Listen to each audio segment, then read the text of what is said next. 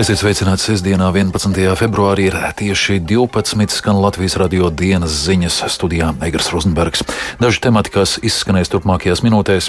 Turcijas un Sīrijas zemestrīcē bojā gājušo skaits pārsniedzis 24 tūkstošus cilvēku. Valsts autoceļu sakārtošanai plānoti 340 miljoni eiro, taču atjaunot varēs par 300 km ceļu mazāk. Lai celtu trauksmi par krīzi piena lopkopības nozarē, Cīravas pagasta zemnieks Jānis Jansons reģions šodien plāno bez maksas izdalīt divas tonnas piena un pustonu siera.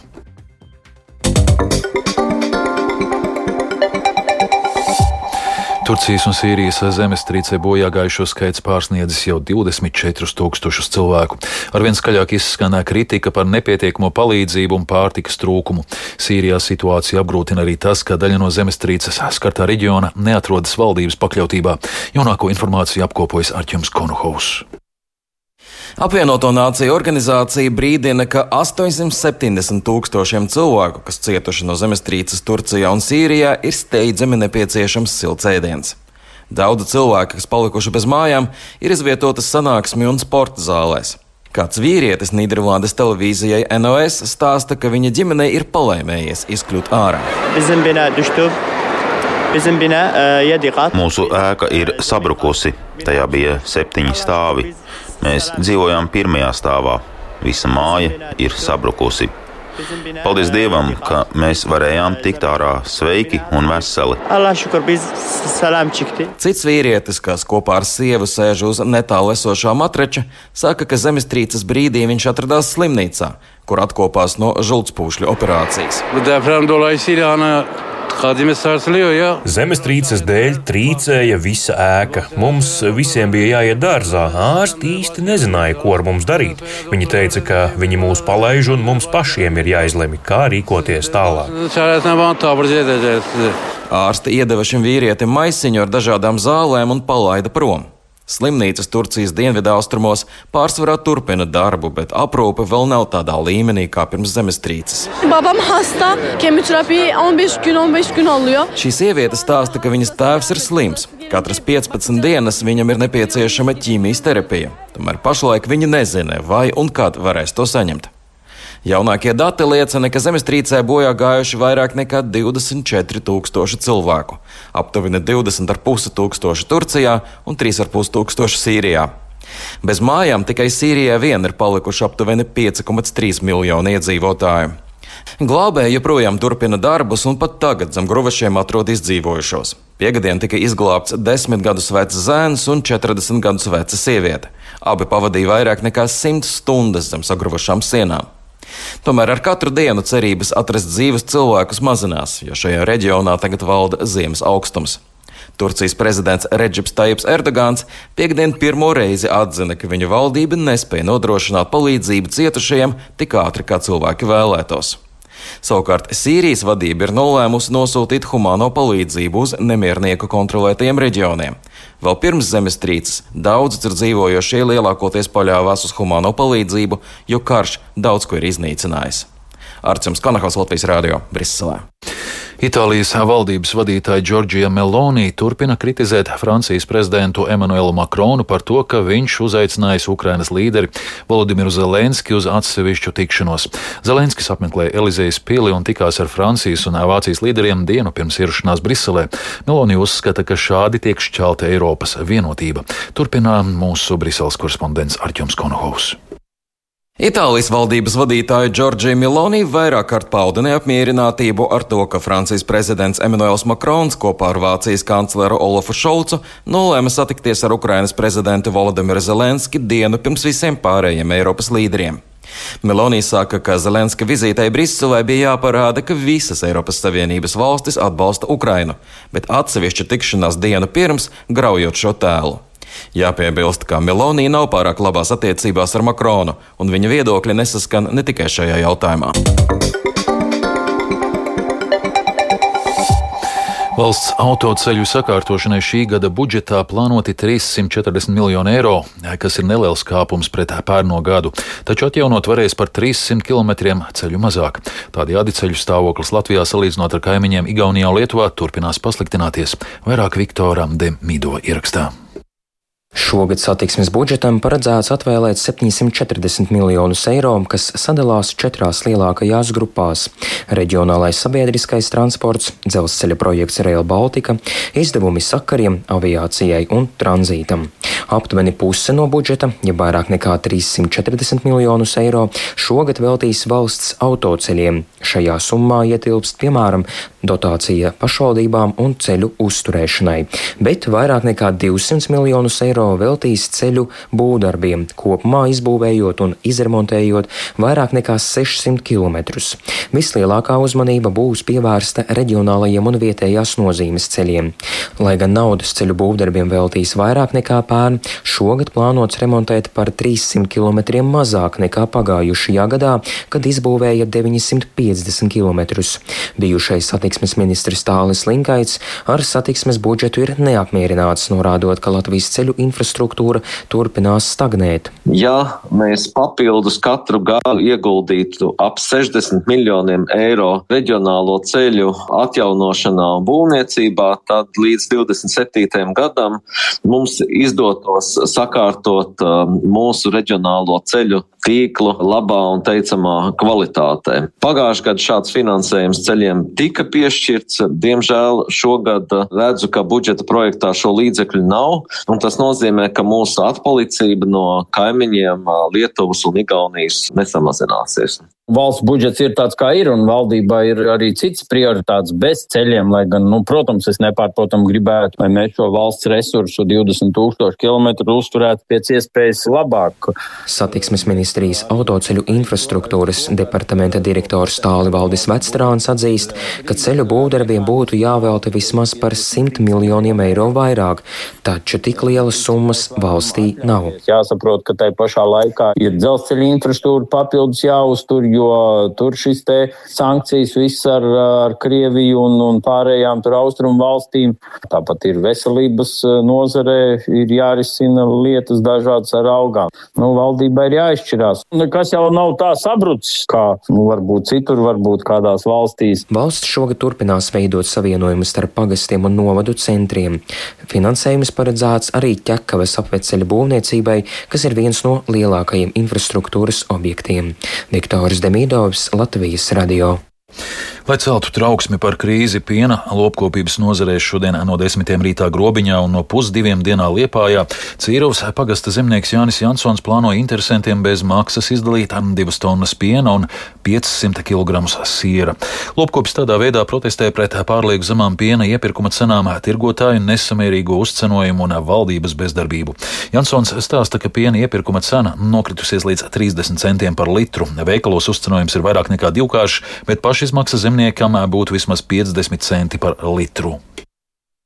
Mēs kā piena ražotāji pie šiem 50, 55 centiem, ja, kad bija, viss bija kārtībā, pret degvielas izmaksām, pret resursu, cilvēki arī pat spēja ietaupīt, lai kaut ko saremontētu, kaut ko sakārtot, vai tāpat tām neļautu, piemēram, mūsu gadījumā mēs neļāvām uz poļiem izvest govis, mēs pirkām govis klāt, ja. Valdība to ir pieļāvusi, ka izved ganāmpulks ārā, ja, ar visām iekārtām, un, un, un Polijā par to kompensē. Mums liek likvidēties, nu kaut kā neiet kopā mums tā daļa. Un esam Eiropas Savienībā vienlīdzīgas tiesības, vai ne? Lauksaimniecības organizācijas sadarbības padome brīdinājusi, ka tuvāko divu mēnešu laikā piena iepirkuma cena turpinās kristies līdz pat 20 līdz 25 centiem par litru. Zemnieku uzsvarījā nedēļas laikā netiks sagaidīti racionāli risinājumi no valdības, arī Latvijas ražotāji būs spiesti sekot Lietuvas piemēram un rīkot protestus. Kaņiera ezera krastā šodien notiek Niedru skulptūru festivāls. Pasākuma mērķis - mitrāja atjaunošana, jo savācot materiālu skulptūru veidošanai attīrīs mitrāju teritorijas radīs un radīs labvēlīgus dzīvošanas apstākļus daudzām augu un dzīvnieku, tostarp putnu sugām. Turpina ķemēra un Nacionālā parka dabas centra vadītāja Agnese Balandiņa. Parasti festivāls bija Ziemeļvidzemes biosfēras rezervātā, šogad ciemojas pie mums, Ķemēra Nacionālā parkā. Un uh, tur tieši cilvēki varēs paši piedalīties apauguma novākšanā vienā no mikrājiem, kas ir zāļu purvs, un zāļu purvu platības Latvijā paliek aizvien aizvien mazāk, un tad mēs vāksim šo apaugumu, un tur arī būs klāt cilvēki, dabas eksperti, kas izstāstīs, kāpēc tas apaugums tik ļoti strauji zāļu purvos veidojās, un uh, katrs varēs izmēģināt roku, nu, cik tad viegli ir šo te apaugumu novākt. Bet, nu, šoreiz mēs arī tur radoši pieiesim un to apaugumu saveidosim vēl niedru skulptūrās. Katrs varēs ļaut vaļu savai fantāzijai. Pašmāju sportā šodienā centrālais notikums būs Latvijas-Igaunijas basketbola līgas mačs starp abām līdervienībām, bet svarīgi notikumi gaidām arī hokeja laukumos un ledus trasēs ārzemēs. Vairāk par šodienu sportā jau tūlīt ieskicēs kolēģis Mārtiņš Kļavinieks. Sveiks! Sveiks, Aigars, sveicināt klausītāji! Arēnā Rīga šokar gaidām Latvijas-Igaunijas basketbola līgas līderu cīņa. Kas klausītājiem būtu jāzina pirms šīs spēles? Jā, nu vispirms uh, gribētu sacīt, ka kopumā Latvijas-Igaunijas basketbola līgā šodien četras cīņas, bet, jā, kā jau tu minēji, neapšaubāmi centrālā spēle no šīm visām četrām. Protams, uh, ka būs VF Rīga un Slobožānskas Prometēja duelis, uh, gan līdervienība, kas ir Ukrainas komanda Prometēja, pret pagājušās sezonas čempioni un tāpat arī uh, šīs sezonas vicelīderi VF Rīga, duelis arēnā Rīga. Spēle sāksies 5.15 vakarā. Tiešraidē to varēs vērot arī Latvijas televīzijas 7. Eh, kanālā, ja nu tomēr nedosieties uz arēnu Rīgu, Rīgu to vērot klātienē, bet eh, nu, tas skaidrs, ka jāieskicē abu komandu eh, iespējas un šī brīža pozīcijas, kā jau sacīja Prometēja, ir drošā līderpozīcijā, zaudējis tikai vienu maču šajā sezonā, vienā mačā piekāpies, proti Tallinas Kalev Kramo komandai, VF Rīgai drusku vairāk zaudējumu, bet otrā vieta turnīra tabulā. Un šī būs pirmā apvienotās Latvijas-Igaunijas līgas reizes spēle arēnā Rīga kopš pagājušās sezonas fināla četrnieka. Jā, Prometēja bāzējas Rīgā, arī vai Frīga, protams, bāzējas Rīgā, vēl ir LO komanda, kas ir Rīgas komanda šajā apvienotajā līgā, bet visas trīs šīs vienības regulārās sezonas mačus līdz šim aizvadīja Olimpiskajā sporta centrā turpat blakus arēnai Rīga, bet, nu, ir um, atvērta lielākā no Latvijā pieejamajām basketbola zālēm, tāpēc, um, nu, Rīkotāji saka, ka sagaidot aptuveni 4,5 tūkstošus eh, vismaz arēnas tribīnēs, tāpēc um, aicinu arī radioklausītājs noteikti doties uz šo spēli, ja vien jums ir tāds iespējas. Abu komandu šīs sezonas pirmajā duelī oktobra vidū Prometēja uzvarēja ar 10 punktu pārsvaru, Ukrainas komandai iekļaujot arī Eirokausa mačus, tagad ir aktīva 18 eh, uzvarētu spēļu sērija. Jā, nu vēl šodien līgā 5. vakarā sāksies mačs, kurā Ventspils basketbolisti viesosies Tallinā pie Kalē vai Vaudentes, savukārt Valmiera glāzes vidzemes augstskola Rūjienas vidusskolā uzņems um, jau minēto Tallinas Kaleva Kramo. Aigar? Jā, kas vēl šodien svarīgs um, Latvijas un pasaules sportā?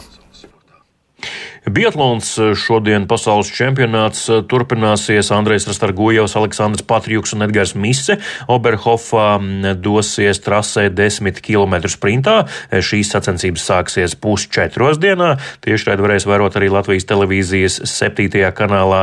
Nu, savukārt bobsleja piloti Emīls Cipuls un Jēkabs Kalenda Austrijā mm, aizvadīs pasaules kausa sezonas pēdējās divas četrnieku sacensības. Šodien tātad pirmās no šīm divām, un tās arī sāksies pusčetros tiešraidi tālrādes kanālā TV3 Sport Open. Jāatzīmē, ka Emīls Cipulis ar saviem stūmējiem pirms nedēļas kļuva par pasaules vicečempionu tieši četrniekiem, tāpēc būs interesanti paskatīties, kā viņam veiksies šajās sacīkstēs. Bet um, ar trim sacīkstēm šodien Vinterbergā sākas pasaules kausa kamniņu sportā sezonas septītais posms. Dāmu divnieku sacensības tik tikko ir noslēgušās Anna Upīte, Sani Jozoliņa izcīnīja ceturto vietu, bet Viktorija Ziediņa, Selīna Zvilna Melna bija astotās. Vīriešu viennieku sacensību pirmais brauciens notiek tieši šobrīd. Varat to vērot uh, tieši redzēt tālrādes kanālā TV6. Savukārt vīriešu divnieki uh, trasē dosies uh, trijos dienā. Savukārt vēl šodien Vovo ledus hallē noslēgsies trīs nāciju turnīrs hokejā. 16-gadīgo jaunāku puišu izlasēm, kur piedalās Latvijas, Šveices un Slovākijas komandas, kā arī Latvijas 17-gadīgo puišu otrā valsts vienība. Nu, un tur bijuši jau dažādi rezultāti. 16-gadnieki zaudēja bija par gadu vecākiem puišiem no Latvijas. Otrajā cīņā piekāpās Slovākiem ar 2-7, 17 gadniekiem, savukārt uzvar tātad pār 16 gadniekiem un arī zaudējums pret Šveici, bet uz Latvijas un Šveices 16-gadīgo komandu cīņu šodien dos, došos arī es, un tad jau vakar pusē arī stāstīšu, kā tad man tur gāja. Paldies, tā Mārtiņš Kļavnieks par svarīgāko sportā. Ar to izskan Latvijas radio dienas ziņas producents Edgars Kupčs, ierakstus montēja Renārs Štēmanis par labskaņu rūpējās Ivete Zvēniece studijā, Egars Rozenbergs vēlreiz īsumā par svarīgāko. Turcijas un Sīrijas zemestrīcē bojāgājušo skaits pārsniedz 24 tūkstošus. Valsts autoceļu sakārtošanai šogad plānoti 340 miljoni eiro, taču atjaunot varēs par 300 km ceļu mazāk nekā pērn. Un vēl par laikapstākļiem. Rīgā šobrīd plus 3 grādi lēns ziemeļa rietumu vējš, atmosfēras spiediens 758 mm, relatīvais gaisa mitrums 92%. Sinoptiķi prognozē, ka šodien pēcpusdienā no ziemeļiem skaidrosies rietumos lietus, austrumos pārsvarā slapjš sniegs, sniegs putināšana. Atsevišķos posmos austrumos būs slideni ceļi, snikšanas un brīžiem putināšanas laikā būs pazemināta redzamība. Dienvidē rietumu rietumu vējš pēcpusdienā pāries mērenā ziemeļa rietumu ziemeļu vējā brāzmās līdz 20 metriem sekundē, gaisa temperatūra plus 1, plus 5 grādi. Rīgā pēcpusdienā skaidrosies, dienvidē rietumu vējš pēcpusdienā iegriezīsies no ziemeļa rietumiem ziemeļiem, brāzmās līdz 20 metriem sekundē, gaisa temperatūra plus 3, plus 5 grādi, laika prognozes šodien trešā.